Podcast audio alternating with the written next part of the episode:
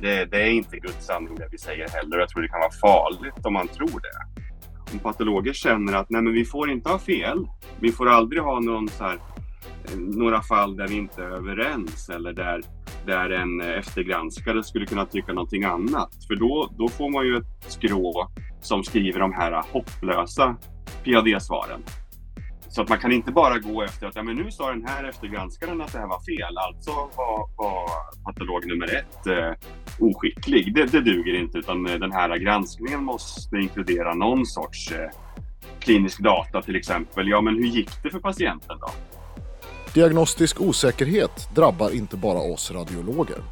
Tillsammans med avsnittets gäst Gustav Stålhammar, ögonläkare och patolog, resonerar vi om hur mycket man egentligen kan lita på patologernas PAD-svar. Sen blir det som vanligt i julavsnittet en tågtävling och i år är det Per som sätter mig på prov. Den här gången med extra vilseledande ledtrådar. Är du smartare än en medelålders hobbypoddare? Testa får du se. Tillsammans med Telekonsult är det dags för oss att presentera avsnitt 32 av Röntgenpodden.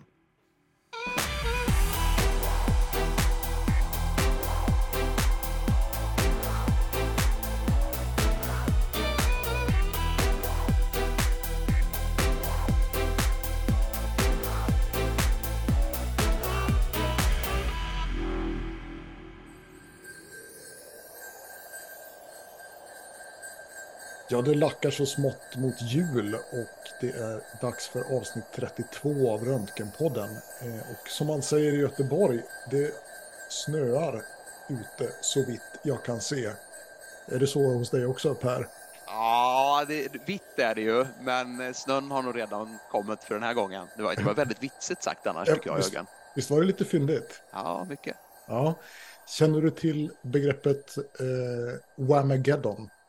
Nej, det gör jag inte. Är det någon form av modernt internetfenomen som du eh, har råkat ut för? Ja, nej, men det är väl en sån här utmaning kan man säga. Att, att undvika att bli whammed innan det blir jul. Alltså du vet den här klassiska juldängan.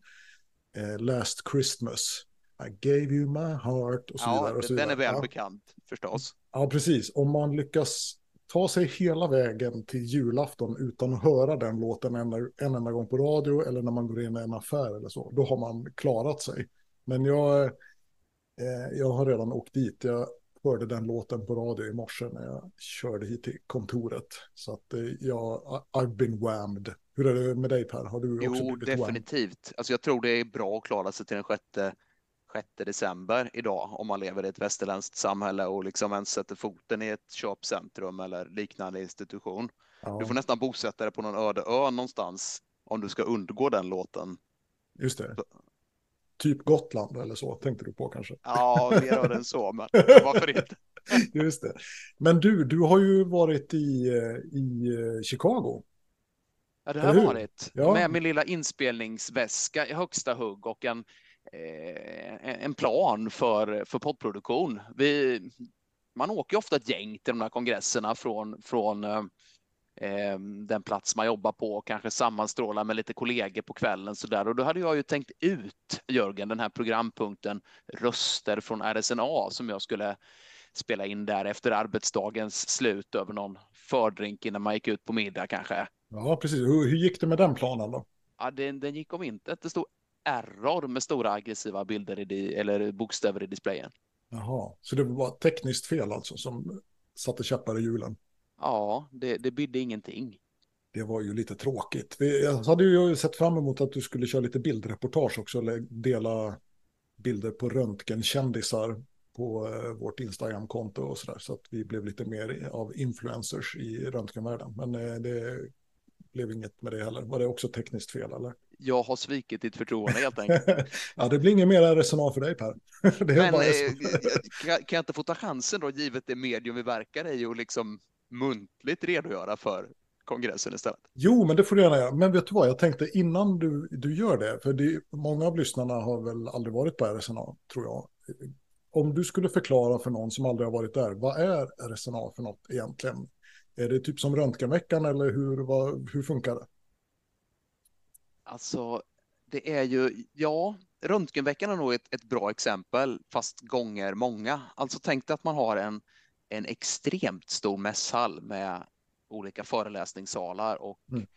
eh, gigantiska hallar med montrar från alla som är någonting inom röntgenvärlden och en hel del som hoppas bli det. Alltså det är de stora märkena och det är små oberoende AI-leverantörer som hoppas bli, bli, nästa.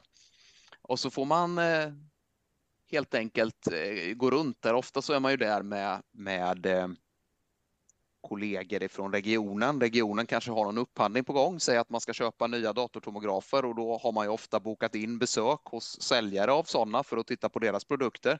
Det ja. brukar vara en del i det. En annan del i det är ju förstås att man eh, går på föreläsningar av olika slag. Det finns ju både kliniska föreläsningar där någon höjdare från något eh, amerikanskt universitet i typfallet går igenom state of the art av diagnostiken inom ett visst fält. Mm.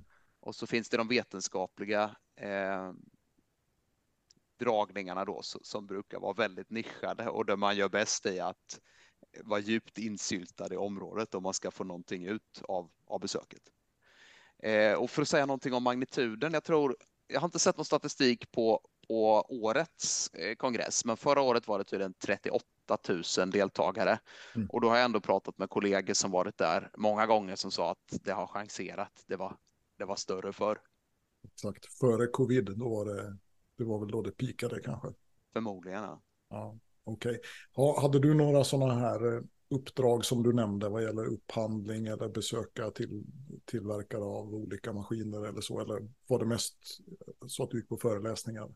Eller vad gjorde alltså, du? I Linköping så ska ju sjukhuset så småningom byggas om med eh, tillhörande byte av större delen av maskinparken. Så det mm. var ganska många monterbesök inbokade med kollegorna faktiskt. Men jag hann med en, en del annat också.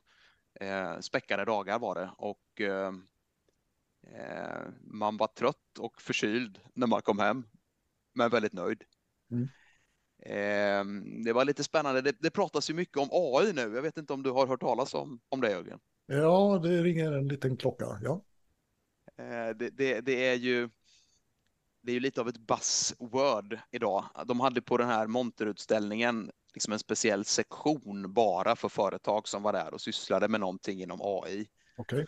Och det är ju högt och lågt. Och gick man på sådana här eh, vetenskapliga dragningar då, jag gick ju exempelvis på några som handlade om AI inom ML prostata, mm. då får man ju känslan av att stora steg ändå är, har tagits. Ett problem ofta när man inför eh, olika typer av AI är ju att man kan träna dem på ett system och så ska man försöka sätta de här algoritmerna på att granska bilder tagna på andra kameror och så faller korthuset. Mm. Men det var jag bland annat på en, en eh, vetenskaplig dragning där man i Storbritannien hade tränat en AI på MR prostata från, jag tror det var fem olika sjukhuskameror. Och sen hade den med gott resultat granskat bilder från ett helt annat sjukhus. Eh, och det låter ju lovande, men, men, när man tar steget över från de här vetenskapliga AI-dragningarna till, till industrin så märker man att det är ganska mycket som finns inom forskningsfältet som är långt ifrån kommersiellt tillgängligt. Det är en helt annan sak. Mm. Eh, så att jag tror nog att det dröjer några år innan man kan, kan sätta AI på, på att ta över ens rutinarbete. Det pratar vi om för något avsnitt sen här förstås. Att inom vissa fält som mammografi har man kommit längre. Inom andra så ligger det en bit bort än. Mm.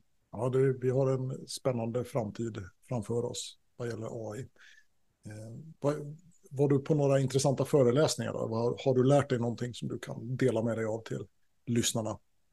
tidigare när jag har gått på sådana här kongresser så har man ju tagit med sig en dator och någon väska och samlat grejer i. Men nu så tillämpar jag en helt annan metod. Jag hade helt enkelt eh, inte med mig någonting annat än telefonen där jag i en textfil skrev ner korta, kärnfulla meningar med saker jag tycker jag borde ta till mig. Ja, men det var ju en smart idé. Vad har du skrivit där då? Är det någonting som du kan tänka dig att dela med dig av till lyssnarna? Ja, men det finns ju diverse här, men jag, en sak som jag tyckte skulle vara lite intressant eh, det är ju det här med att skilja adenom ifrån FNH. Mm. En ganska vanlig uppgift ändå på en gastroradiologisk sektion. Det är ju två olika leverlektioner som är benigna men eh, ändå har, kan ha lite olika handläggning. FNH är ju en no-touch lesion som man inte hjälper patienten genom att göra någonting med. Men en del av de här adenomen har ju faktiskt potential att blöda eller att utvecklas till HCC så att där kan det finnas anledning att, att, att operera ibland. Problemet är ju bara att de kan vara svåra att skilja. Ja. Länge trodde man ju att eh, leverspecifik kontrast med MR skulle vara lösningen. För FNH tenderar ju att retinera väldigt mycket sån kontrast i, i den sena eh, hepatobiliära fasen. Men det visar sig att det finns viss eh, överlappning. Även en del adenom kan, kan göra på samma sätt. Okej, okay. men så vad är senaste kunskapen nu då? För det fick du lära dig mer om förstår jag. Ja, alltså jag vet inte om det är så mycket den senaste kunskapen. Man har ju länge vetat att de här beter sig lite olika på kontrastförstärkt ultraljud också. Mm. Mm. Och eh, då var det någon eh, där som hade tittat på eh, alla FNH-adenom man hade fått in som hade undersökts med MR. Då hade de tittat på dem med kontrastförstärkta ultraljud också. Mm. Och samlat fall i sju år tror jag det var och okay. konstaterat att det är en ganska god överensstämmelse mellan MR och, och ultraljud. Men, men här behövs mer forskning för att få statistisk power i, i det hela. Okay. Och allra helst vill man ju jämföra med PAD-svar då eftersom MR tydligen inte är en acceptabel goldstandard och då skulle man trots sju års samlande på ett relativt stort center behöva väldigt många ytterligare fall eftersom alla ju inte opereras. Ja, nej, precis.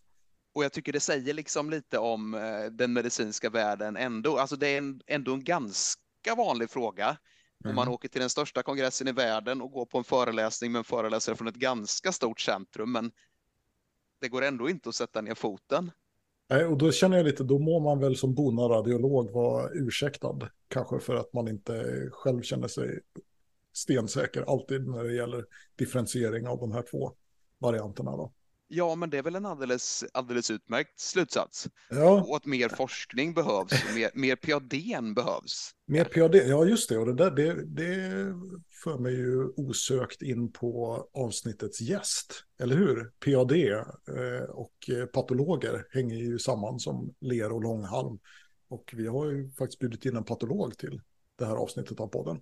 Ja, det har vi. Det tycker jag var en väldigt, eh, väldigt fin övergång från din sida där, Jörgen. Ja, eller hur? Jag blev lite nöjd själv där. Eh, och eh, avsnittets gäst heter då Gustav Stålhammar. Han är inte bara patolog, utan han är faktiskt ögonläkare också.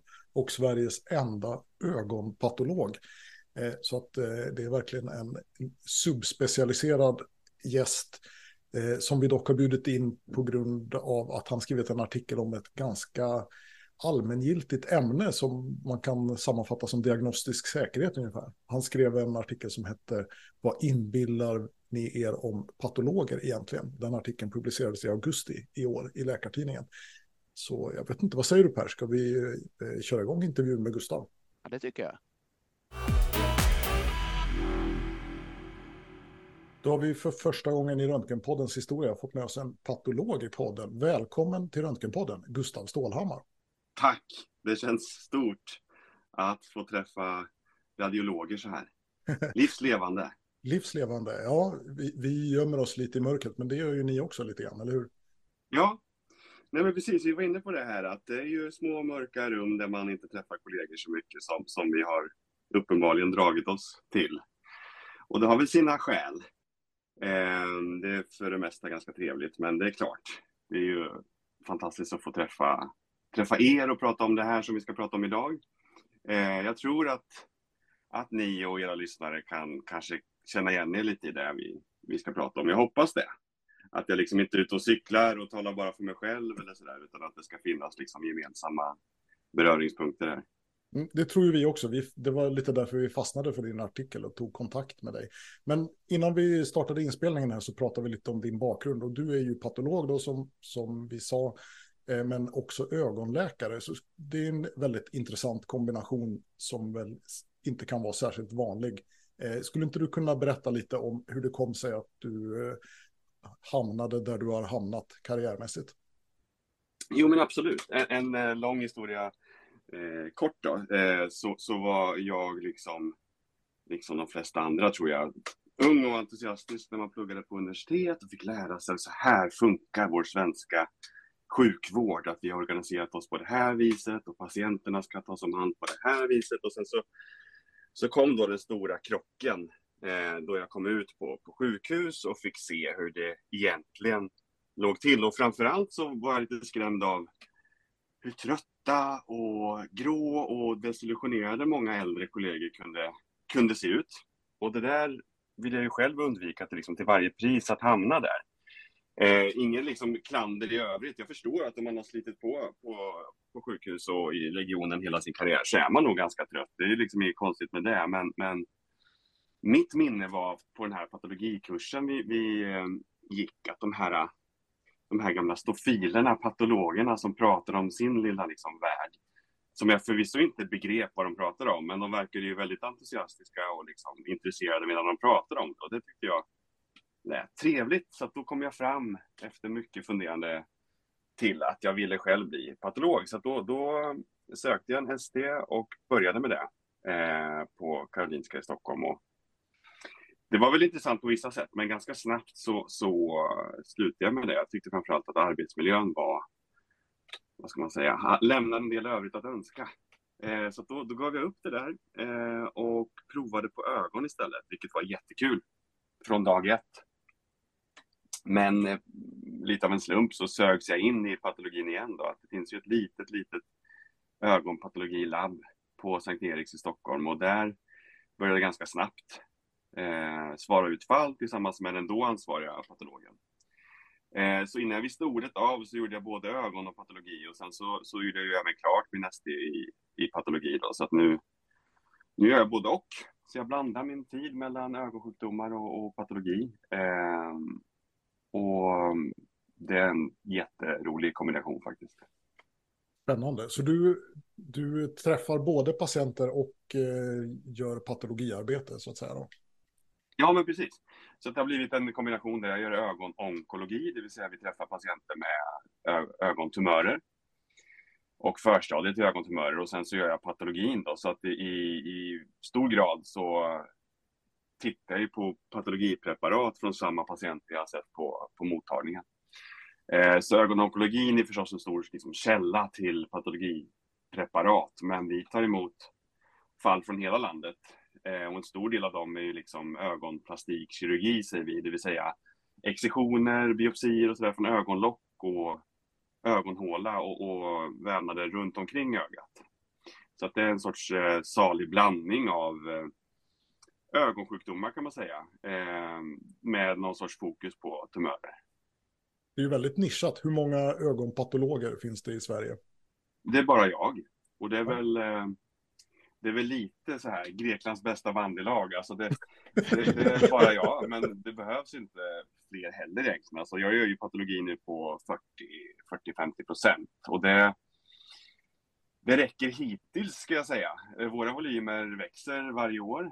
Eh, vi gör nu ungefär 1500 fall per år och det klarar vi genom att eh, vi har en väldigt slimmad och liksom eh, anpassad verksamhet efter de volymerna så att våra BMA gör mycket av jobbet själva, det vill säga de skär ut våra preparat själva. I många fall så förstår de på förhand vilka immunhistokemiska färgningar vi ska göra och så där. Så att eh, vi kan också hantera en lite större volym man kanske kan göra på, på 50 procent annorstädes. Eh, men vi får väl se. Alltså det, det, är som sagt växande volymer så att det här det funkar ju hittills, men eh, fortsätter vi växa med 10 procent per år så, så någonstans så får jag gå upp i tid eller så får vi skaffa en kollega. Det får framtiden utvisa. Det verkar som att du, Gustav, å ena sidan har glidit in på ett område, men å andra sidan har eh, vetat vad du har velat från början, eller i alla fall vetat hur du inte har velat eh, jobba inom sjukvården. Och, och ja. Ja, eh, Flyr jag eller söker jag mig till någonting? Nej, men eh, förlåt, jag avbröt dig. Fortsätt. Nej, nej, nej, alltså skälet till att vi fick upp ögonen för dig var ju inte Jörgens och, och, mitt stora intresse egentligen för ögonpatologi, utan det var att du, precis som oss, också har en del tankar om hur sjukvården fungerar och hur eh, kliniker i olika specialiteter eh, förhåller sig till varandra, inte sant? Och du skrev den här artikeln i Läkartidningen med rubriken Vad inbillar man sig egentligen om patologer? Vill du, vill du berätta lite vad du skrev i den? Jag tyckte det var väldigt intressant eh, spalt eller krönika eller vad man ska kalla det. Va? Brinner du inte för ögonpatologi? Jag känner mig kränkt. Nej, vars. absolut. Eh, det är ju det vi ska prata om. Ehm, ni märker, det finns jättemycket att säga om ögonpatologi och ögononkologi, men det får vi ta en annan gång. Ehm, den här artikeln jag i, i Läkartidningen eller min, min, min rant där om vad man inbillar sig om ögonpatologer eller patologer överlag eh, kom ju till i någon sorts frustration över eh, signaler som jag tycker jag snappar upp från, det kan vara kollegor, kompisar, eh, Läkartidningens inlägg och, och diverse andra källor. Och jag tror att man kanske som radiolog kan känna igen sig lite grann i det där att, att eh, våra svar eller utlåtanden eh, tolkas ibland på ett sätt som jag tycker, eh, tycker kan leda till vissa så risker eller missförstånd. Och innan vi, vi kommer väl in på det här nu i, i mera detalj, men innan vi gör det så vill jag väl säga så att jag, jag är inte insatt i de här specifika ärenden som vi kanske tar upp som exempel.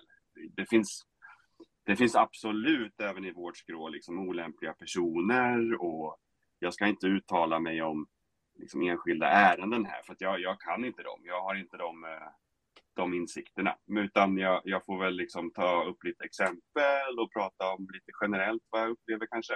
Det låter jättebra. Precis. Det, det, det fanns ju en liksom ganska specifik bakgrund till att du skrev den där artikeln mm. som vi uppfattade och tänkte att du kunde berätta lite mer om det. Då. Mm.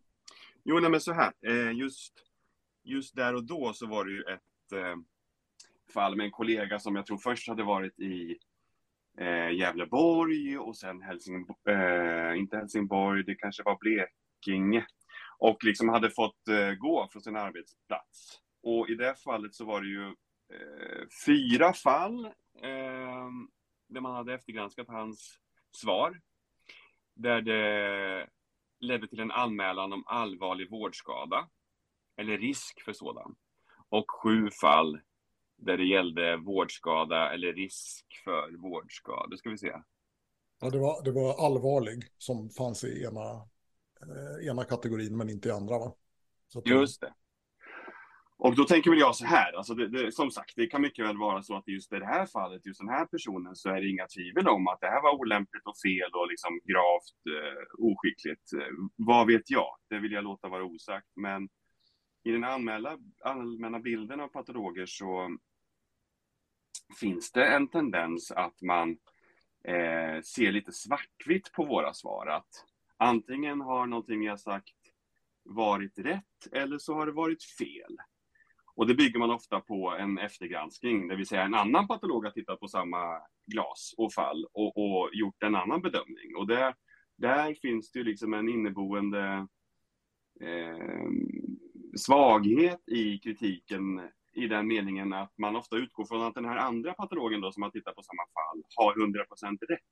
Och då blir ju allting annat än det som patolog nummer två säger blir ju då per automatik fel.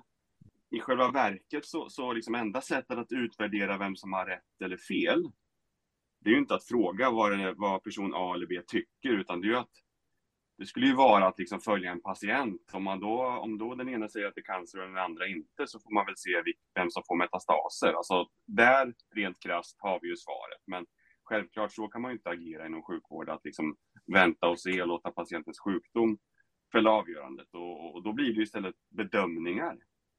Precis inom radiologi så gör ju vi en bedömning av en bild. Det finns inte liksom en en specifik färgning. Det är ju vanlig, en vanlig missförstånd. Att färga för melanom, frågar man. Kan du, kan du tillsätta den här färgningen så att du ser om det är melanom eller inte? Och det, det funkar liksom inte så. Det finns inga markörer som har 100% sensitivitet och 100% specificitet. Och det här, det här vet ju läkare egentligen. Eh, vilket det, det förvånar mig lite grann att man när det kommer till patologer tror att det fungerar på annat sätt. För det gör det inte. Eh, ett annat sånt där exempel är att om man, man har låtit patologer som är subspecialiserade på dermatopatologi, alltså hud, hudlektioner, titta på ett antal eh, melanocytära lektioner. Alltså det ena änden av spektret har vi då eh, födelsemärken, nävi, och i andra änden melanom. Och förstås finns det en lång liksom, gråskala mellan dessa ändlägen och, och, och, där har man väl där har väl kanske alla en förståelse för att det finns ett visst överlapp eller att två olika patologer skulle säga två olika saker om samma fall. Men även, även när det gäller ytterlägena så har man visat att patologer säger olika i 20 procent av fallen, det vill säga det den ena patologen säger är melanom, säger den andra är ett godartat nävus. Och det, det tror jag man ska ta med sig att eh, på den nivån, alltså, eller upp till den nivån, kan det finnas olikheter mellan olika patologer. Och det vi gör, precis som alla andra läkare, det är ju liksom bedömningar av en bild. Där, där det ingår olika färgningar, olika växtmönster, olika form och storlek på cellkärnor och så vidare. och så vidare. Och det, det ska ju vi slå ihop till en sorts utlåtande, men självklart finns det inte någon, någonting i det här som är svartvitt det är mycket igenkänning här tycker jag Jörgen. Många bollar att springa på. Jag kunde inte låta ja. bli att reagera när du säger att någon remittent någonstans begär en färgning för att man vill vara säker på att få det bästa. Liksom. I, I, mm. analogi med det kan jag väl känna Jörgen att remittenten vill ha en MR eller de vill ha en undersökning med kontrast, står det tydligt, liksom för att poängtera att det här är ett viktigt fall och MR är alltid bäst och kontrast är alltid bäst. Ja, och så ska det gärna eh. vara många kontrastfaser också, för det är ju fler desto bättre. Just det. Mm. Just det. Tunna snitt. Ja, exakt. Precis. Men du, jag tänkte på det lite filosofiskt kanske, alltså PAD-svaret. Eh, det är väl ja. på något sätt det närmaste Guds sanning man kan komma alltså den närmaste säkerhet så att säga. Eh, ja. Som vi kan komma och då får väl det bli substitutet för säkerhet. Kan det inte vara det som, som ligger bakom? Det finns ingenting som trumfar det riktigt. Som du själv säger, vi kan inte eh, låta patientens sjukdom ge facit för att det är liksom etiskt orimligt. Och, mm. Så då, då, det är det bästa vi har helt enkelt och då får det bli sanningen. Alltså mm. ett röntgensvar är ju sanningen ända tills det kommer ett PAD-svar som trumfar vårt, vårt röntgensvar och säger annorlunda. Då litar man mer på PAD än vad vi på röntgen har sagt. Eh, ja, så här, som, som liksom för självkänslan och eh, för omgivningens bild av mig som patolog vill jag ju gärna uppmuntra det där att det är, det är Guds sanning det vi säger. Men, men om jag ska vara ärlig så nej, det, det, det där vill jag komma ifrån. Eh, därför att eh, såklart, och det är det jag, det är det jag liksom, kärnan i det här, det, det, är inte Guds sanning det vi säger heller. Jag tror det kan vara farligt om man tror det. Eh, det betyder inte, eh, det betyder inte att jag vill komma till någon sorts eh, sladdrig eh, uppblandning här av att nej men ingenting, ingenting eh, är sant och det finns liksom inga fakta eller det finns inga sätt att komma till en korrekt diagnos och sen så så liksom eh, nöjer man sig med att, att det vi säger bara då skulle vara en indikation eller sådär, att man, att man får fog att avstå behandling eller att faktiskt sätta en diagnos. Det, det är absolut inte dit jag vill eh, komma.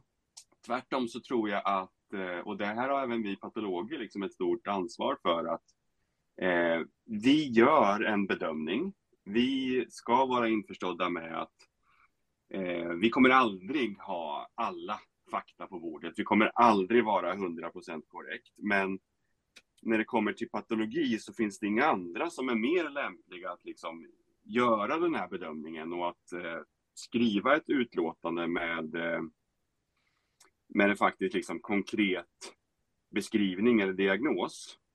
Eh, motsatsen skulle ju vara att om, om patologer känner att nej men vi får inte ha fel, Ehm, vi får aldrig ha någon så här, eh, några fall där vi inte är överens eller där, där en eh, eftergranskare skulle kunna tycka någonting annat. För då, då får man ju ett skrå som skriver de här hopplösa PAD-svaren. Där man säger, ja, kan vara fibros, men kan också vara cancer. Eh, då kommer man ju liksom aldrig ha fel om, om, man, eh, ägnar sig åt den typen av liksom garderingar. Eh, utan då, då kommer man ha som patolog alltid rätt, därför vi har aldrig liksom tagit egentlig ställning. Men vi kommer ju heller aldrig vara till någon nytta för patienterna. Så att det är vårt jobb att, att göra en bedömning utifrån liksom, faktorer som aldrig är fullständiga. Och då, då får vi ta att det blir fel ibland och det får även våra liksom, remittenter och, och patienter göra. Och där måste vi liksom ha, vara pålästa även på liksom kliniska indikatorer. Alltså en diagnos kommer ju ofta till genom en massa olika eh, fakta. Vi får inte liksom börja bli sladdriga bara för att vi inte kan ge ett definitivt svar, utan jag kan tycka att där kan väl, kan väl eh, kanske svenska läkare överlag eh, bli lite bättre på att liksom läsa på hårda fakta, diagnoskriterier och, och så väger man samman det utöver, utöver patologin. Ehm, jag vet inte om jag är tydlig nog här, men jag, förstår ni vad jag menar med det här? Vi förstår precis vad du menar och känner igen de här resonemangen från radiologins värld. Jag tror vi har tagit upp det i podden tidigare, Jörgen, någon gång vi pratade om att hålla sådana här eh, MDK-konferenser där man ju ganska snabbt lär sig att eh, kirurgerna föredrar en radiolog och förmodligen också en patolog som tar ställning, men någon gång har fel då. För den informationen kan man trots allt använda. Mm. Eh, mm. Men någon som garderar sig och så att säga per definition aldrig har fel eh, kommer inte heller göra någon nytta. Eh, det är lite lättare tycker jag att få andra kliniker att köpa det. det. På en annan del av det här diskussionsspektrat hamnar ju då de här krigsrubrikerna man kan se i tidningen och som eh, lite vad det är som startade diskussionen här. Man, man har gått igenom 670 preparat från någon patolog någonstans och så, så är det si och så många som, som eh, utgjorde risk för, för allvarlig vårdskada eller risk för vårdskada. Och frågan är ju hur man, hur man ska bete sig när man skiljer agnarna från vetet. Eh, alltså vi är väl överens om att dels finns det oklarheter där radiologer eller patologer på goda grunder kan titta på ett preparat eller en röntgenbild och komma till olika slutsatser. Dels finns det tillfällen där en i övrigt kompetent kollega gör ett misstag. Men sen så har vi de här ganska ovanliga fallen där det trots allt handlar om utövare som innebär medicinska risker och som vi som profession någonstans måste ha ansvaret för att identifiera. Och frågan är hur i all världen ska vi bete oss för att kunna, kunna hitta de här farliga kollegorna som, som kanske inte bör, bör vara yrkesverksamma eller, eller i alla fall Eh, Eh, bör jobba under överinseende av andra kollegor. Mm. Nej, men jättebra poäng. Och som sagt, såklart finns det liksom olämpliga individer inom alla specialiteter. Och där får vi väl ha liksom en effektiv, eh, en effektiv process för att, att identifiera dem och, och sålla ut dem. Eh, jag vet inte om jag själv är liksom särskilt insatt i hur det skulle kunna gå till. Men jag tycker att en sån process måste också inkludera någon sorts eh, klinisk data, det vill säga att bara titta på, på, på glas och så säger den ena si och den andra patologen så. Ja, men det har vi inte mycket för därför att eh, som sagt, där, där har vi en stor eh, en stor spridning i vad man säger. I, i fallet eh, mellanocitära lektioner så ligger det någonstans kring 20 procent till exempel. Och tittar man på prostatabiopsier så är det, tycker patologer olika i 35 procent av fallen. Eh, så att man kan inte bara gå efter att ja, men nu sa den här eftergranskaren att det här var fel, alltså var, var patolog nummer ett eh, oskicklig. Det, det duger inte, utan eh, den här granskningen måste inkludera någon sorts eh, klinisk data till exempel. Ja, men hur gick det för patienten då? Den här, patient, den här patienten som sades ha ett nävus, men, men eh, patolog 2 tyckte det var ett melanom.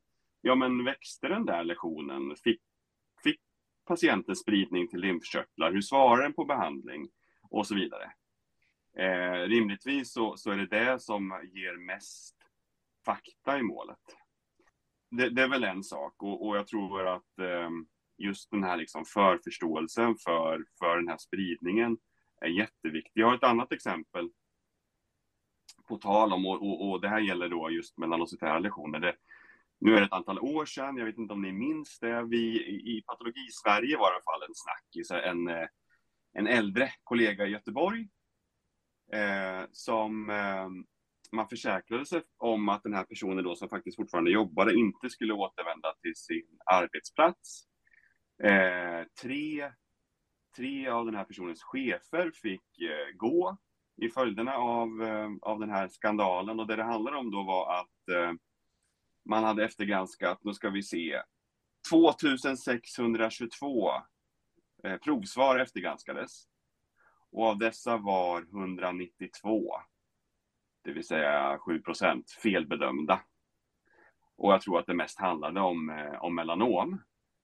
Och, och, den siffran är då i själva verket ganska bra då.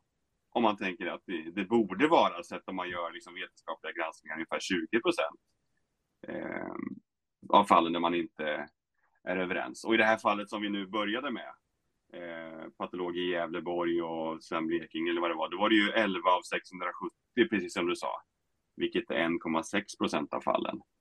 Eh, så utan, återigen blir jag tjatig, utan någon insyn i exakt vilka fall det rör sig om, så rent statistiskt är det här faktiskt väldigt bra siffror. En eftergranskare borde, borde eh, tycka olika i en större andel av fallen om man tittar till hur det ser ut i liksom, studier innan. Det, det, är en jättebra poäng och jag tänkte på det när jag läste eh, ditt referat till det här fallet. Då, alltså en patolog som har fått 670 av sina bedömningar eftergranskade. Eh, per, om, om du eller jag fick 670 av våra undersökningar eftergranskade eh, och det skulle ligga till grund för en bedömning av IVO om vi var lämpliga eller inte beroende på hur många fel man kunde hitta. Skulle inte du få lite kalla kårar längs ryggen om, om du liksom blev utsatt för det? Jo, det skulle jag, men, men nu eller? pratar vi ju liksom strikt om numerären. Jag mm. tycker eh, man eftergranskar ju ganska ofta. Vi jobbar mycket med dubbelgranskning på röntgen och jag tycker man ändå får en känsla för om, om man tycker olika på marginalen eller om någonting är ett grovt fel. Eh, nu är jag ju inte patolog, men jag tänker att om man eftergranskar 2000 preparat, förutsatt att man är flera som eftergranskar, borde det inte gå att bilda sig en uppfattning då om huruvida det är marginella meningsskiljaktigheter eller, eller grova fel? Även... Jo, ja. Absolut, det är nog väldigt likt. Eh, alltså patologin och radiologin är nog väldigt likt där. Och det här ser jag ju liksom bara i, i brist på att veta vad det faktiskt handlar om. Så då, har jag, då har jag bara siffrorna att utgå från. Eh, så det finns ju också liksom en kvalitativ Ehm, faktor här, det vill säga inte bara antalet fall som man håller med eller inte håller med varandra om, utan faktiskt vad man är oense om. Så självklart, det kan finnas sådana faktorer, men, men skillnaden är inte så stor som man kan tro. Alltså här handlar det om, om vårdskada eller risk för vårdskada. Och, och pratar vi då det stående exemplet här, melanom versus nävus. Ja, men säger den ena att det var ett nävus och den andra ett melanom, ja, men då är det ju, det är ju liksom en jätte, stor skillnad biologiskt. Den ena är verkligen fara för liv och den andra absolut inte. Så att det är ju det är på den skalan direkt att för, för patienten så är det ju förstås jätteviktigt att det blir rätt och, och vilket av det det blir. Så man ska ju liksom inte heller bagatellisera det här och säga ja, men patologer de tycker olika och, och 7% är ganska bra. Så att självklart är det här jätteallvarligt, åtminstone potentiellt. Eh, så att lösningen är ju inte återigen då att liksom avfärda det här som att ja, men så här ser det ut och vi kan inte göra någonting åt det, utan frågan som jag tycker vi ska komma in på, det är så här, hur, hur förbättrar vi det här? Eh, kan vi få ner de här siffrorna? Och kan vi få bort framförallt de allvarliga felen? Ja, men det, det är klart att vi kan bli bättre där och det, det vill jag gärna prata om. Det är ju en jättebra fråga, för det kopplar ju lite till det här som Per nämnde mm. med dubbelgranskning, som vi jobbar med en hel del inom radiologi på olika sätt på olika sjukhus. Och vi har också haft dubbelgranskning som tema mm. i vårt senaste avsnitt. Så det är ju en, en, en, en, fråga som vore intressant att höra om hur det fungerar inom patologin då. Hur jobbar ni med dubbelgranskning inom patologin? och i vilken utsträckning är det ensatt över landet? Skiljer det mycket mellan olika sjukhus, vilka fall som dubbelgranskas? Ja, men så här, i, i, allmänhet så kan man väl säga att vi också har system för dubbelgranskning. Eh, ofta då till exempel en ST-läkare som skär ut fallet och förbereder det och sen eh, går igenom det i sitt eget mikroskop och sen går till en, till en specialist och, och eh, tittar igenom fallen. Det är liksom den allmänna, den allmänna gången. Eh, sen så finns det eh, inte kapacitet egentligen någonstans för att gå igenom precis vartenda fall. Att två patologer ska gå igenom precis vartenda fall. Inte mig veterligen i alla fall. Utan ofta har man vissa linjer där och då kanske då lite enklare fall eller lite mindre allvarliga diagnoser där man har en större grad av eh, att en ensam patolog svarar ut. Eh, så att jag, jag, eh, kan inte påstå att det liksom är eh, utan undantag, utan jag tror att på varje, varje patologilab finns det nog undantag där det faktiskt bara en patolog har tittat på ett fall. Eh, och det är ju mycket en liksom bemannings, bemanningsfråga. Så det, det, saknas patologer och även om det vore bra att ha dubbelgranskning på vartenda fall så finns det liksom inte fysisk möjlighet till det. Eh, I mitt fall så, ja, men jag är ju ensam om att göra ögonpatologi i Sverige så för mig blir det svårt att, att, att ha dubbelgranskning. Däremot så, så har jag eh, stort behov av att stämma av med liksom andra subspecialister. För det är ju en annan liksom, utveckling av fältet att eh, man blir allt mer nischad. Det finns allt färre så allmänpatologer kvar som liksom kan lite allt möjligt, utan ofta har man liksom ett fält där man är mer, mer insatt än andra. Eh, och där blir det ju allt viktigare att jag till exempel, eh, om jag tror att det ser ut som ett lymfom, att jag då pratar med en hematopatolog och ber om en granskning av, av en sån patolog. Eh, eller en mjukdelspatolog eller öron, näsa, hals eller vad det nu kan vara. Eh, den typen av eh, konsultationer är ju här för att stanna och ska, ska så vara. Så vi, vi kan ju inte vara experter på, på varje liksom subfält. Eh, och där kan vi göra mycket för att liksom förbättra den typen av, av konsultationer. Nu, nu har ju digital patologi liksom införts på, på de allra flesta håll. Och det innebär ju i många fall att man inte längre behöver liksom skicka glas och papper mellan kliniker utan att vi, precis som radiologiskt, kan, kan dela bilder digitalt.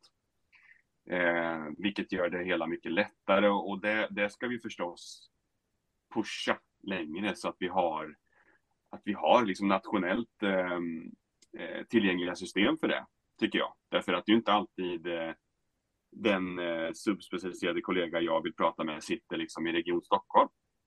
Det kanske finns en, eh, en eh, annan kollega som är mer insatt på just det jag vill fråga om i Skåne. Och det här knyter väl an till lite, lite grann våra liksom journalsystemproblem vi har i, i Sverige. Att vi har svårt att liksom prata mellan regionerna. Eh, och det är ju liksom bara under all kritik att vi 2023 inte har IT som funkar mellan regionerna. Det senaste jag hörde, eller den, den eh, trend jag tycker mig spana i den riktningen är ju att nej men nu, nu vill vi ha istället, vi vill ha ett och samma journalsystem i hela Sverige. Att man väljer någon sorts, eh, eh, vad vet jag, DDR-lösning istället för att ha ett filformat som alla kan läsa. Och så får man använda vilket system man vill, så ska vi köra ett och samma system. Eh, och jag vet inte, det känns ju som att någon sorts utslag av uppgivenhet från regionerna, att vi får inte till det här, så alltså så köper vi samma program så kan alla prata med varandra. Eh, och, och precis så där är det inom patologi också. Såklart att det, det, det, ska inte falla, konsultationerna ska inte falla på att IT inte förmår bild, dela en bild. Ja, men det är intressant. Alltså, hur långt kommen är, är den digitala integrationen inom patologin? Om du vill skicka ett fall för konsultation till någon kollega, var, mm. säg, Dalarna eller var som helst, kan, kan du göra det överallt i Sverige eller är det bara vissa regioner som kan skicka till varandra? Eller? Det är allmänt sett svårt, skulle jag säga. Eh, det finns säkert eh, regioner eller eh, sjukhus som har utarbetat något sorts samarbete. Så det, det känner inte jag till. Det, det, kan mycket väl förekomma, men allmänt är det ju svårt det här. Alltså att inom, inom region och inom en klinik så, så har man nu kommit så långt att man i regel kan, eh, man har digitaliserat och så kan man sitta lite hemma kanske och jobba eller på, på sin arbetsplats eller att dela fall med, med kollegor på arbetsplatsen. Och inom sjukhuset. Men just det här eh, att sträcka sig utanför sjukhuset och, och regionen är mig veterligen fortfarande ganska komplicerat. Eh, tyvärr.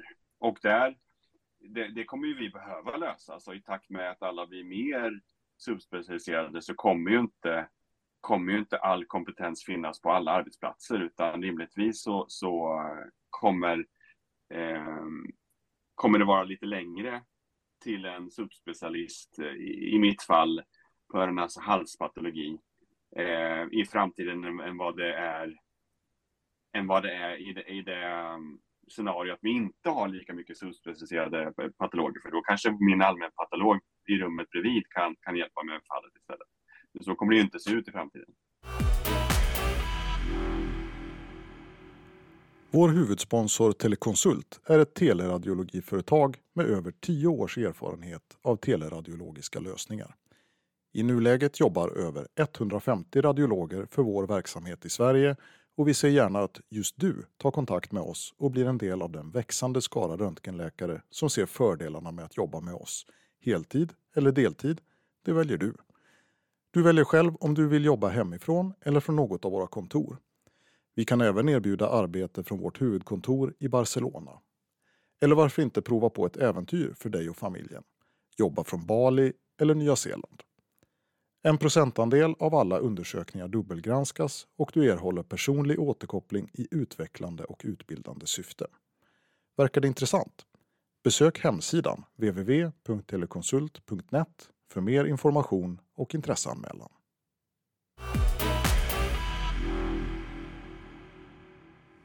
I alla fall inom röntgen så pratas det väldigt mycket om hur tekniken tvärtom ska vara det som löser problemen för oss. Och man är redan inne på att AI ska kunna hjälpa oss med själva granskningen.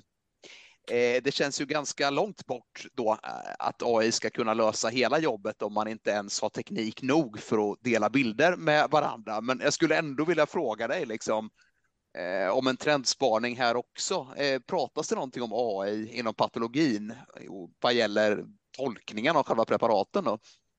Oh ja, oh ja. Så att, eh, jo, men om jag ska väl säga, alltså, jag är optimist ändå. Det är klart att det här går att lösa. Alltså, det rent tekniskt ska det väl inte vara omöjligt att kunna dela bilder.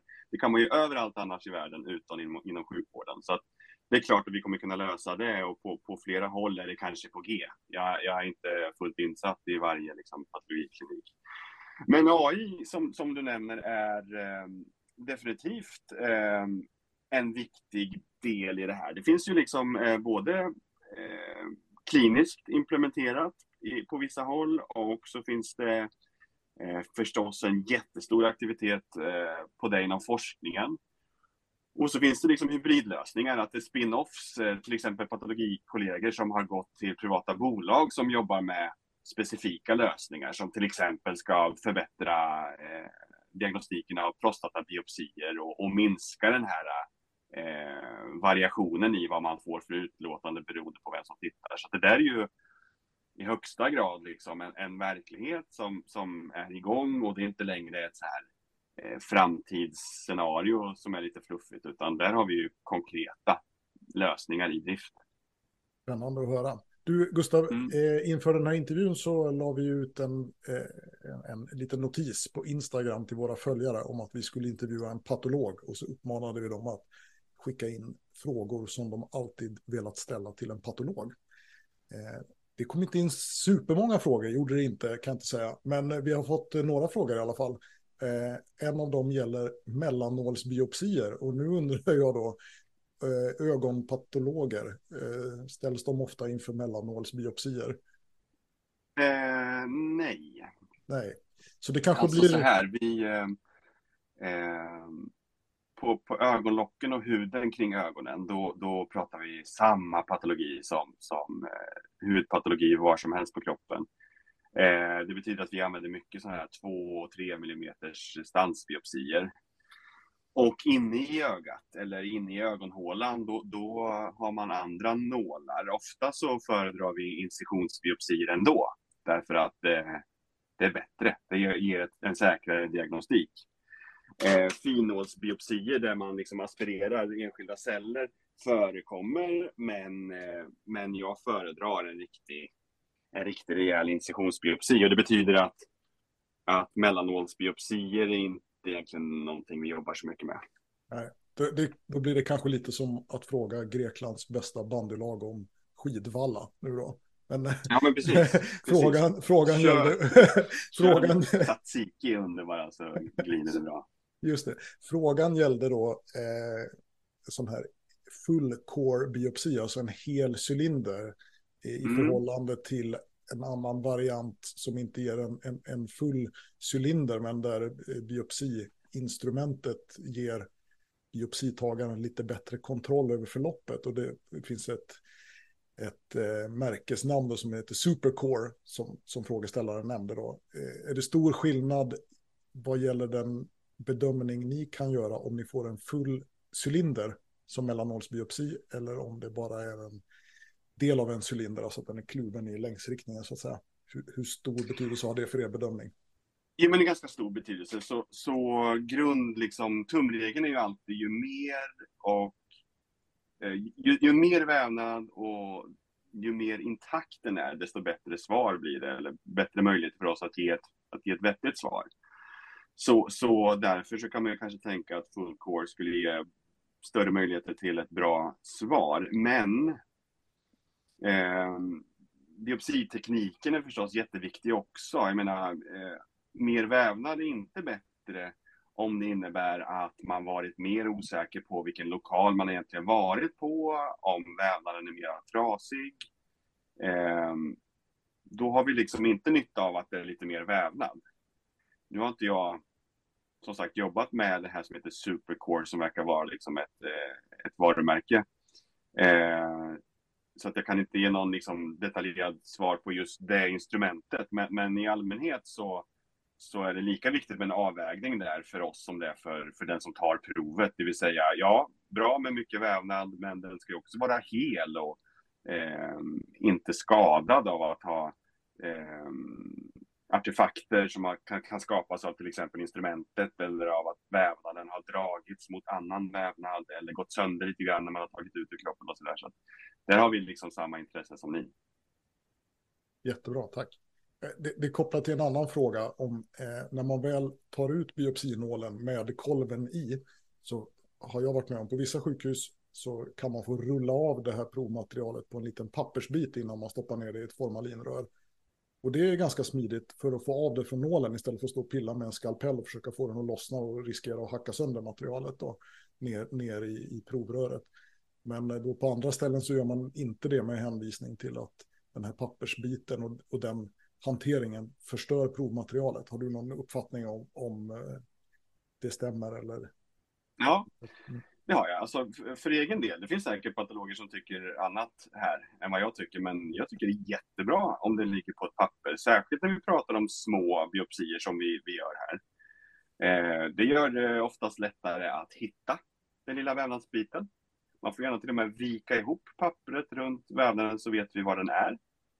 Eh, en del tar den här lilla pappersbiten och så kanske man klipper eh, eller ritar någonting på med, med, eh, med eh, instruktioner till oss. Alltså det finns, det finns alla, alla möjliga liksom fördelar av att ha det på en liten pappersbit och det påverkar inte fixeringen av vävnaden eller så. Så att jag vet inte riktigt vad man menar. Det är väl om man liksom drar av vävnadsbiten så, så hårt att den går sönder och så. Det kanske var det kanske det som skulle vara problemet, men, men det tycker jag inte ni brukar göra. Alltså, så, så pappersbitar jobbar vi mycket med och det är kanon tycker vi. Ja, ja, men det var ju kul att höra. Nej, alltså, det är väl inte så att man ska dra av den ungefär som man torkar av något, utan man liksom rullar av cylindern ja. på, på pappret ja. med. Så. Det var ett bra besked. Något jag funderar på är, alltså man, man är ju oftast, eh, det hade Jörgen och jag diskuterat, om det är bra med för mycket anamnes eller om man rent av blir biased som radiolog.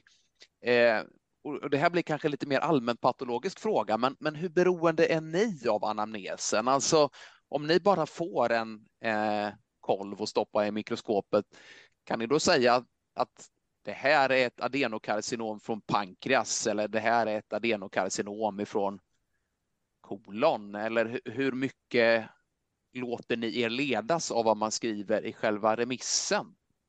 Ja, det här är en jättebra fråga. Och, eh, svaret är att vi är extremt beroende av anamnes. Eh, jag går själv in i, och tittar och läser patientens journal. Jag läser operationsberättelsen, jag tittar på röntgenbilder, jag tittar på tidigare PAD. Eh, jag är helt beroende av den bakgrunden för att kunna göra en bedömning av det jag ser. Eh, och det kanske, så här, jag är nog mer beroende än en vad ska man säga, vanlig patolog därför att vi har oftast mindre vävnadsbitar. Vi kan inte ta lika stora resektat som man kan göra på många andra ställen i kroppen därför att det är så känsliga strukturer. Så att ofta har man bara en liten flaga.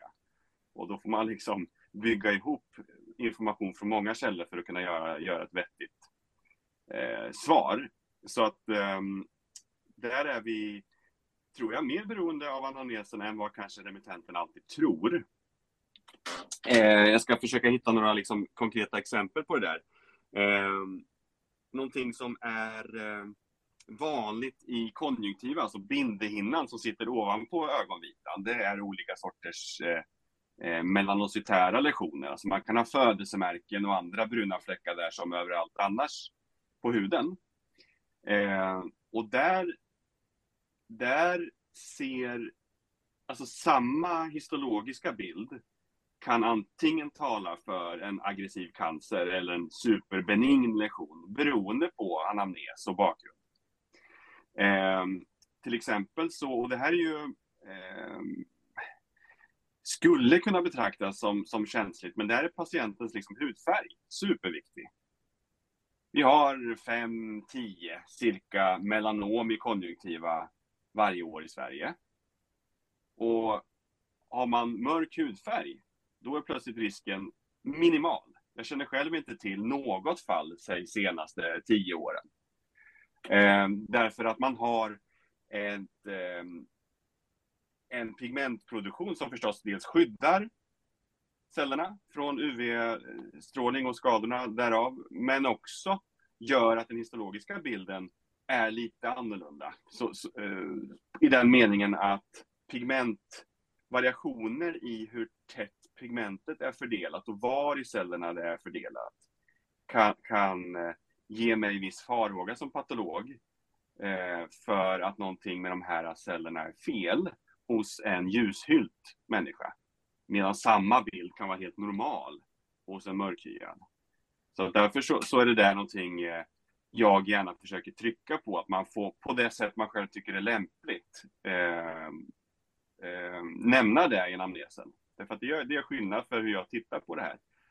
Ett annat ett sådant exempel är patientens ålder, eh, biologiska ålder och då, då eh, återigen kan samma typ av cellförändringar vara helt normala hos en ung person, medan de hos en 65-åring eh, talar för, för melanom.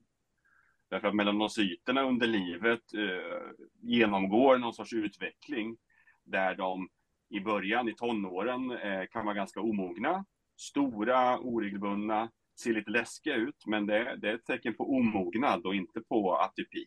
Medan samma, exakt samma liksom cellstorlek och cellform hos en äldre människa kan tala för att här är det atypi och melanom på G. Det är inte ovanligt, nu, nu går jag över på andra exempel, det är inte ovanligt med liksom inflammatoriska förändringar i orbita, i ögonhålan. Och där är diagnosen helt och hållet beroende av liksom övrigt system i status. Eh, hur ser det ut i njurar och lungor? Hur ser blodproverna ut? Eh, där samma, återigen, histologiska bild kan tala för A eller B beroende på, på patientens övriga status.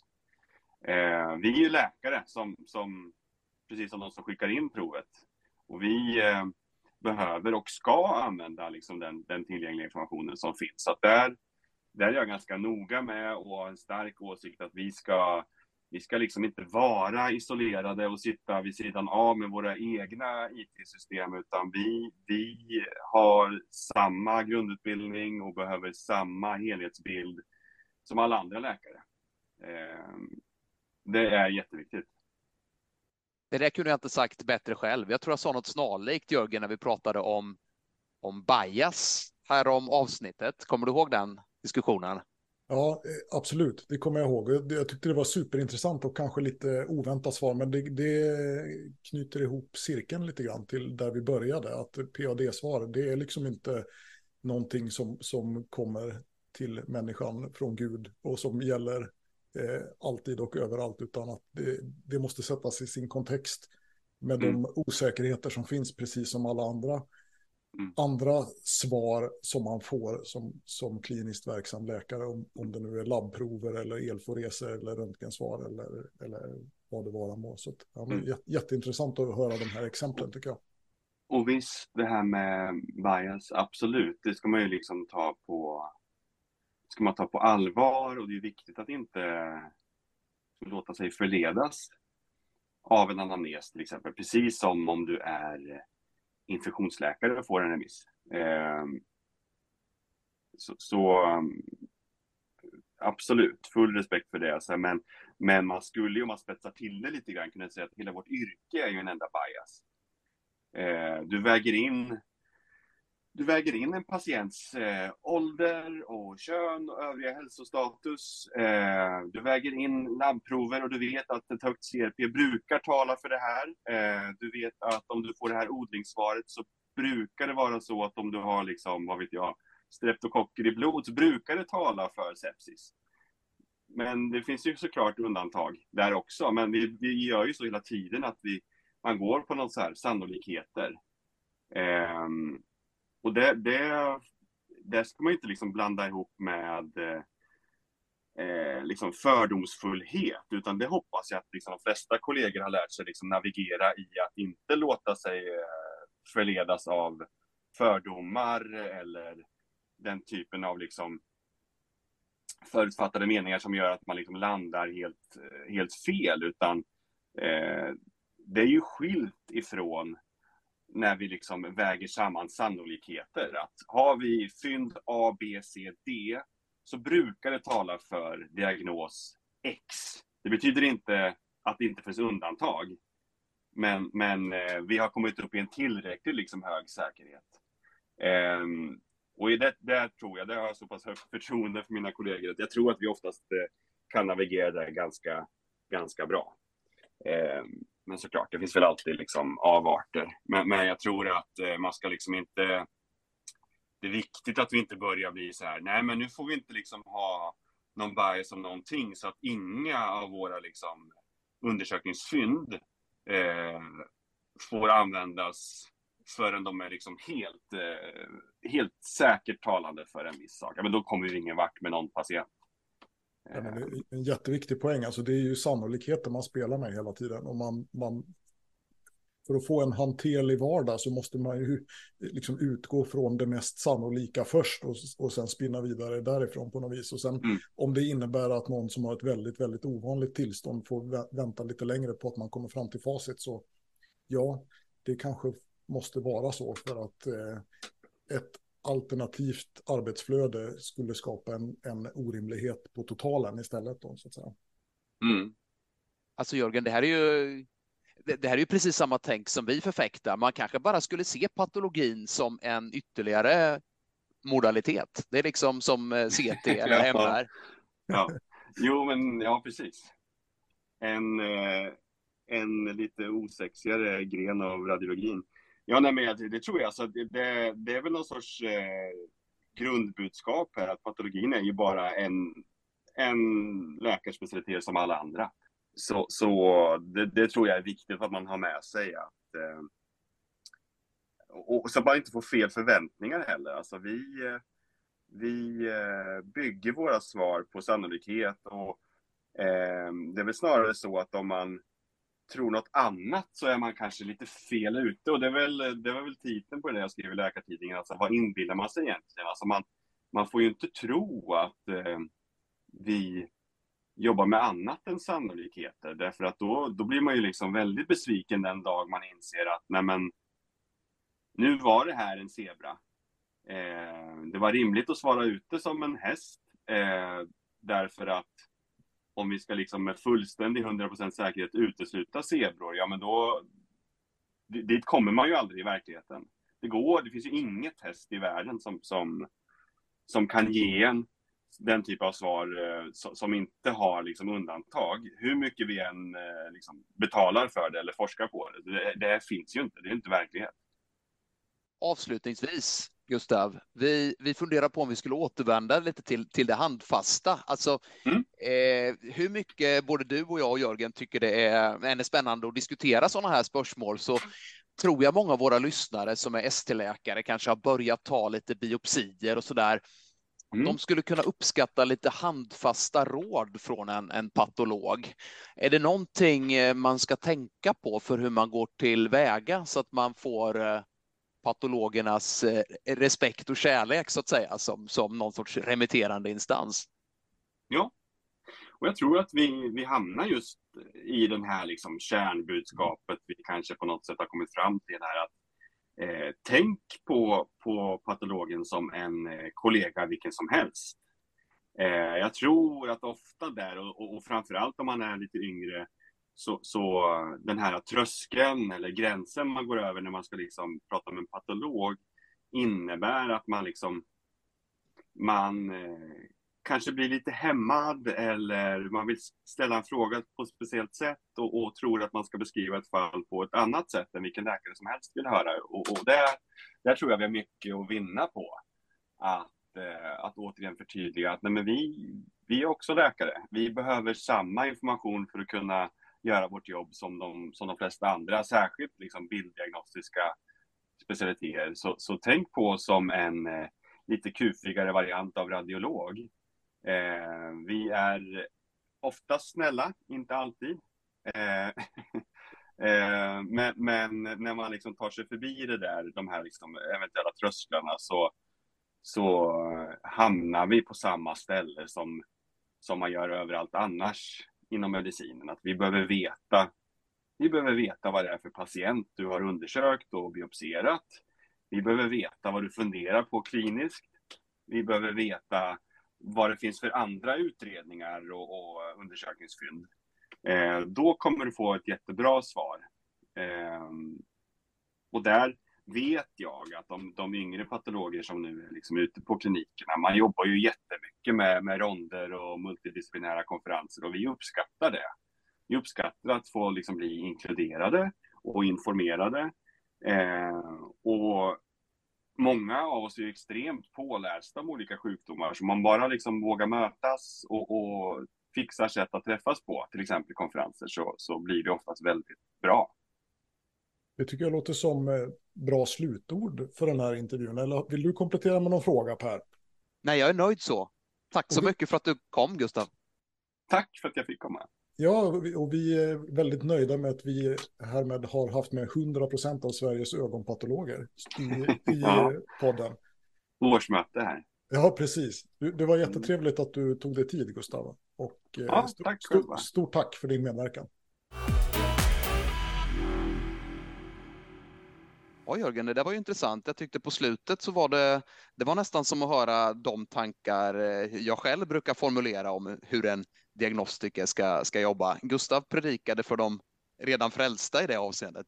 Ja, det kan man, det kan man verkligen säga. Jag tyckte det var väldigt roligt att, att vi eh, att man kände igen så mycket av de resonemang som vi brukar föra när vi pratar mellan eh, fyra ögon och när vi pratas vid här i podden om det här med diagnostisk säkerhet och så. Och jag vet inte, en sak som slog mig var det här med eh, det Gustav sa om att när man eftergranskar en patologs utlåtanden och den person som eftergranskar kommer till en annan slutsats så är det ju inte alls säkert att eftergranskarens slutsats är mer sann än vad den ursprungliga granskarens slutsats var. Och det, där det fick mig att, göra, liksom dra en parallell till diskussionen vi hade om dubbelgranskning här i förra avsnittet. Du kommer ihåg när vi pratade om det här att tillägg till ett utlåtande, på något sätt så har man en bias att anse att tillägget alltid tillför mervärde, eller alltid ja, är sant så att säga. Och det behöver det faktiskt inte vara. Det kan ju faktiskt vara så att tillägget är fel eller tillför mer förvirring än extra information. Så det, det tyckte jag var en lite intressant parallell. Och, och sen tänkte jag på det också, man skulle ju faktiskt kunna betrakta PAD som ett tillägg till våra röntgenutlåtanden. Alltså, vi vill ju gärna nästan alltid är det ju så att PAD är närmare sanningen än vad röntgenutlåtandet är. Men ibland så skiljer de ju sig åt. Och det måste ju finnas fall där det inte stämmer också. Där det faktiskt röntgen har rätt och PAD-svaret eh, visar sig vara fel. Att, ja, om man skulle eh, kunna jämföra olika metoder mot någon sorts gudomlig sanning som golden standard så skulle man nog kanske kunna identifiera områden där det inte alltid är PAD som är bäst. Exakt. Jag tänker lite, kommer du ihåg när vi pratade om covid i något tidigare avsnitt så mm.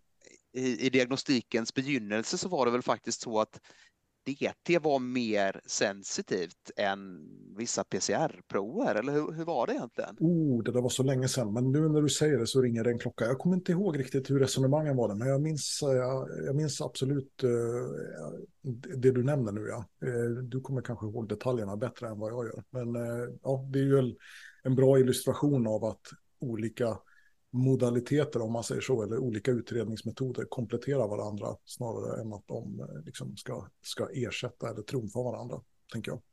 Det tycker jag låter som en, en eh, bra slutsats. Mm. Jaha, men du, vad ska vi prata mer om här då i podden? Det här med bias och häst och sådär. Ja, ja, det är ju två serier som pågår och ännu inte avslutade, men jag vet inte, jag har fått, jag har fått lite dålig bismak av det här med, med, med, med, bias. Alltså du, du, du, du har två jobb, Jörgen, eller hur? Ja, precis. Och du har, du har två barn som ska köras till massa aktiviteter. Mm. Mm. Och, och, du har ett hus att sköta om och du har eh, du är föreningsaktiv och så vidare. Mm. Och ändå så tycker du liksom att det, det, är väl spenderad tid att göra hånfulla fotomontage av mig och lägga ut på sociala medier när jag försöker eh, bidra till utvecklingen av, av det svenska språket. Alltså, om du nu syftar på den där bilden på dig som storebror på en, på en svartvit affisch då. Ja, kan ha varit den. Kan ha varit den. Ja. ja, men det är helt riktigt. Alltså, det ligger ju som prio ett på min aktivitetslista. Att göra hånfulla bilder av dig, Per. Det, kan det... du då förstå att jag lite känner att det här med att prata feltänk eller bajs, som du skulle säga, är någonting som man tappar, tappar sugen för? jag, alltså bitterhet klär dig inte riktigt Per, men är det så att du, du vill att vi ska hoppa över det här avsnittet? Jag tänker nästan det. Att avsnittet blir långt kan ju även bidra, så frågan är om vi inte ska skjuta på det till, till, till nästa omgång. Ja, vi, vi, om vi säger så här, vi struntar i, i avsnittets bias snedstreck feltänk. Eh, och hur är det med häst då? Eh, har vi någon, någon sån förberedd eller? Nej, det har vi inte publicerat någon. Nej, det har vi inte heller. Det stryker vi också tycker jag. Då, då, vi stryker det också. Men du, då, blir det något kvar då eller? Jo, men vi har ju, vi har ju ett eh, viktigt moment som redan är inspelat, eller hur? Eh, vad är det du tänker? Ja, ja, ja, ja, just det. Det är ju dags för, för tågtävling. Ja, det är ju trots allt så att det lackar mot jul och då har ju podden som tradition sedan några år tillbaka att vi kör en tågtävling. Men den, den har vi ju redan förinspelat till i år. Eller hur? Du, eh, du satte mig på prov här lite tidigare i höst. Ja, just det. Så är det. Och jag tänkte lyssnarna ska få ta del av hur det lät och så får vi se om det är någon som slår dig.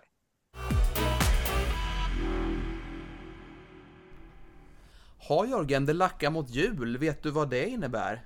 Eh, ja, risgrynsgröt och kanske någon gran och skotta snö och så, eller? Ja, men det stämmer ju för de flesta av lyssnarna och för oss också tror jag. Men ja.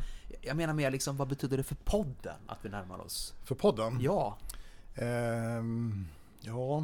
Ehm. Vi har ju vissa traditioner vi har börjat upparbeta också. Ja, jag var ju rädd för att eh, du skulle ta över den till i år. För det var ju rätt kul att sätta dig på prov. Men eh, du... du... har ju utmanat mig på två stycken tågtävlingar i bästa På spåret-anda. Ja. Och eh, där jag då har eh, briljerat senast men närmast skämt ut mig vid det dessförinnan. Nej, jag tycker, nu tycker jag faktiskt att du talar ner din egen insats. Det var inte alls så farligt. Jag tycker du gjorde bra ifrån dig båda omgångarna, framförallt den sista förstås. Jag ljuger i alla fall inte om jag säger att resultatet har varit varierande. Nej, det, det är sant. Det är och jag sant. känner att jag har varit den som har varit satt på prov och nu är det din tur. Ja, men du, du har ju faktiskt satt mig på prov. Du testade ju mig på den där zebran här eh, ja, för ett halvår sedan ungefär. Ja, just det. Du kommer ihåg de där körsbärskärnorna, eller hur? Det gjorde jag. Ja. Det gjorde jag. Det var lite försmak kanske. Det var lite försmak. Ja, okej. Okay. Men, ja, precis. Men nu har du förberett då en, en regelrätt tågtävling här alltså? Det har jag. Och nu, nu hör du det här. Du har ju själv fixat det här klippet. Så för mig var det första gången förvånande. För, för den här klassiska På spåret ljudslingan, den börjar ju på ett helt annat sätt. Ja, precis. Ja, precis. Så då är frågan, är, är, du, är, du, är du redo att börja, börja tänka på vart vi är på väg? Eh, blir man redo? Ja, men jag, jag är redo. Så. Innan jag börjar, hur sa vi? Är det 10, 8, 6, 4 eller kör vi 5 poäng ner till 1 eller vad har vi liksom? Nej, men 10, 8, 6, 4, 2 här. Okej, okay, okej. Okay. Ja, men då, då hör lyssnarna nu musiken dra igång i bakgrunden och så ska du få ett ämne också. Ja. Eh, ämnet då på den här första frågan är en milstolpe för Röntgenpodden. Oj, en milstolpe för Röntgenpodden, okej. Okay.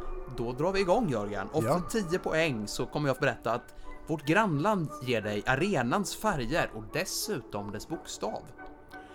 Bokstav 13 ger dig prestationen, åtminstone i den eviga staden prestationen i den eviga staden. Herregud. Och grannland, arena.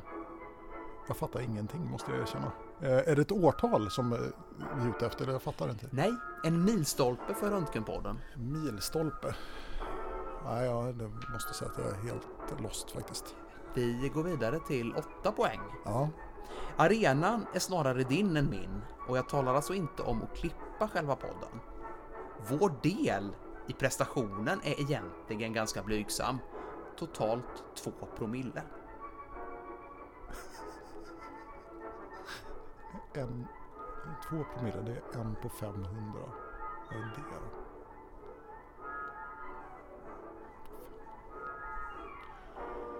Nej, uh, nej, du får fortsätta. Arenan är digital och social Prestationen kan uttryckas i ettor och nollor. Prestation kan uttryckas i ettor nollor. Aha, okej. Okay. Ja, men eh, då, ja, då rycker jag här nu. Men då ska jag väl inte säga något? Nej, utan... du rycker och så skriver du på en mental lapp. Ja, jag skriver på en mental lapp. Ja. Så, så får eh, lyssnarna då chansen att, att höra fyra poängsnivån ja, också. Ja. Och den lyder då Kanske lekte du följa John som barn, men för dagens barn är följare någonting helt annat. Mm. En viss Mr Beast har enligt mina barn nära 40 miljoner. Men han verkar på ett annat forum. Ja. Mm. Du ser nöjd ut och ja, myser där. Ja, jag tror jag kom på det där. Ja. Mm. Tåget får gå på och medan vi rullar in på stationen så ger då lyssnarna tvåpoängsledtråden som lyder Mark Zuckerberg skapade arenan, du och jag skapade gruppen. Ja följarna har nått ett visst antal och det är det som utgör prestationen. Just det, och då måste prestationen vara att vi fick tusen följare på Facebook då? Vi har fått tusen följare på Facebook. Det är coolt. Det är bra. Det visste inte jag att vi Nej. hade fått. Nej! Och det är därför det här kanske spelas in eh, när det inte har hunnit lacka så mycket mot jul än. Just det.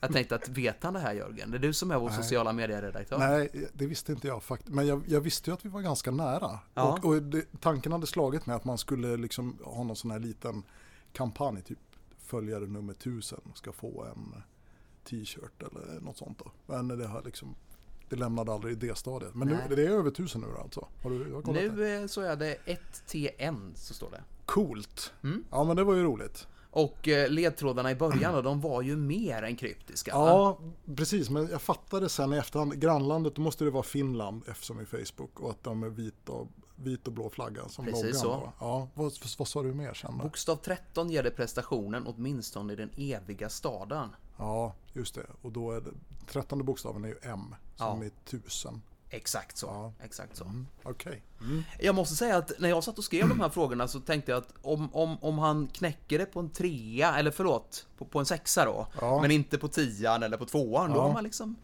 hittat det. Ja, men det är väl lagom nivå då. Ja. Ja, ja äh, det var väldigt klurigt där i början. milstolpe, jag tänkte först att det var ett årtal som du var ute efter. Så jag var lite, ja, okej, okay, kul. Vi har en fråga till. Det är så alltså? Ja, och jag tänker okay. att du tävlar ju nu mot mitt resultat första gången jag blev utsatt för det här. Ja, just det. Vilket innebär att du har alla möjliga chanser att vinna. Jag kommer inte ihåg mitt resultat, men det var ingen vidare i alla fall. Nej, men du hade väl... Du tog det väl på sexpoängsnivån på ena frågan i alla fall. Andra kommer inte jag ihåg riktigt. Nej, det var en som, som tog riktigt lång tid. Men sen till andra omgången, då sa ju du att du, du ryckte på 10 bara för liksom, går det bra så är det ju fantastiskt och går det inte bra så kan man ju ändå hävda att man... Att ingen minns en fegis? Ja, lite så. Ja, och, och kanske ska jag, jag köra så då nu eller? Ja, kanske. Ja, jag vet inte om jag vågar. Vi får se. Vi drar igång musiken i bakgrunden igen. Spännande. Ja. ja. Och så kommer ämnet då, en ibland radiologisk diagnos. Okej. Okay. Och så drar vi igång lokomotivet för 10 poäng. Redan de gamla grekerna drabbades av krämpan i fråga, men visste inte varför. Orsaken beskrevs av Robert Koch först 1882. För denna bedrift tilldelades han Nobelpris 1905. Mm. Ja. Um. Jag avvaktar en nivå. För 8 poäng. Sjukdomen kan förkortas, faktiskt på flera sätt. En av förkortningarna är identisk med förkortningen för en av medicinare producerad tidskrift årligen utkommande i ärans och hjältarnas studentstad. ärans och hjältarnas studentstad? Ärans och hjältarnas studentstad. nu känner jag att jag blir förvirrad där. Eh, det, det, är ju Uppsala som alla vet, men jag, du tänker ju på... Ja, nej, nej, nej, jag vågar inte dra. Du vågar inte dra? Då kommer den här för 6 poäng. Alex morfar behandlades för sjukdomen i Schweiz 1927 28. Några år senare beskrev han sina erfarenheter i boken Dödens väntrum. Ja, ja. men jag drar där då. Där drar du. Mm. Ja, det hade jag nästan tänkt att det kommer han att dra. Ja. Annars hade du få, på tvåan fått Fortfarande förvirrad? Lyckligtvis är bilddiagnostik som så ofta klargörande. Men missta nu inte resmålet för skivepitelcancer, Wegners granulomatos eller för den delen någon annan typ av infektion. Ja, just det. Och om även det hade varit klurigt så hade du på två poäng fått Nu är vi snart framme hos den stora imitatören. Och jag tror inte att du behöver mer hjälp. Tuberka lösa det. kan det vara tuberkulos? Helt riktigt, ja, visst är det det. Vad skönt. Och jag kände det, kock där på första, ja men det är inte tuberkulos. Men jag vågar inte riktigt. Och sen så, den där studenttidningen, det måste du berätta. Ja, TB, tuberkulos, eller Toddybladet.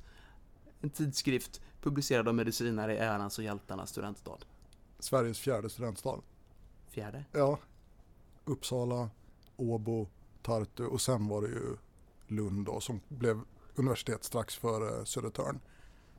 Det är det här med att jul ofta slutar med dålig stämning. Det är en annan tradition ja. vi tar fasta på. Precis. Jag har inte ätit tillräckligt med pepparkakor. ja, men det var eh, spännande. Men eh, ska du dra, var, var, det något mer där på första? Det var kock där. Så ja. Kock. ja.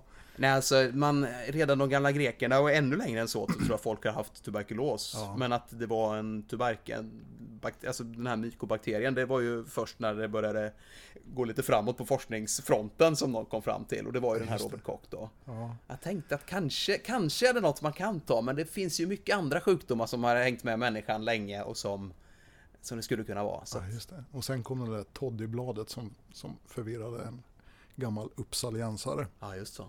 Men toddyblad, det kan ju ingen människa förväntas känna till. Alltså. Nej, det är apart. Ja, det kan man, kan man säga om man är uppsalensare. Ja, just det. Ja, Alex sa du. Alex, ja. Alex morfar. Alex morfar. Alex. Ja, nej du får säga nu. Alex, det är också en sån här poddare. Jag vet inte om... om Schulman? Ja. Jaha. Hans morfar var ju Sven Stolpe som skrev. Ja, just det. Just det, det var ju så det var. Och sen vad kom vi till? Sen kom vi till differentialdiagnoser. Tu tuberkar, kunna det. Ja, nej men det var tvåan va. Däremellan så skulle man ju kunna eh, exempel på kaviterande lesioner i lungorna. Just det. Och det var en som inte var med där och det var resmålet, ja, nämligen tuberkulos. Mm, ja, spännande fråga. Men du, jag, jag kanske matchade din, eh, din första insats då? Om det är någon där ute bland lyssnarna som faktiskt har plockat båda de här på tian, vilket ju vore en oerhört stor ja prestation. Inte minst den första frågan som är lite intern. ja, den var lite intern, ja precis. Ja, nej men det, det vore oerhört imponerande. Då får vi ju faktiskt, då får vi trycka en t-shirt till den personen. Ja, alltså vi har ju börjat utlova t-shirts till höger och vänster för olika prestationer, men vi ja. har ju inte gjort några t-shirts. Nej, det får vi göra. Ja. Är det ditt nyårslöfte, Jörgen? Eh, ja, det kan vi säga att det är. Om, om någon hör av sig och ärligt kan påstå att de har tagit båda frågorna på 10 poäng. Då, ärligt nu, då, ärligt, då, då löser vi t-shirt. Då löser vi t-shirten, absolut.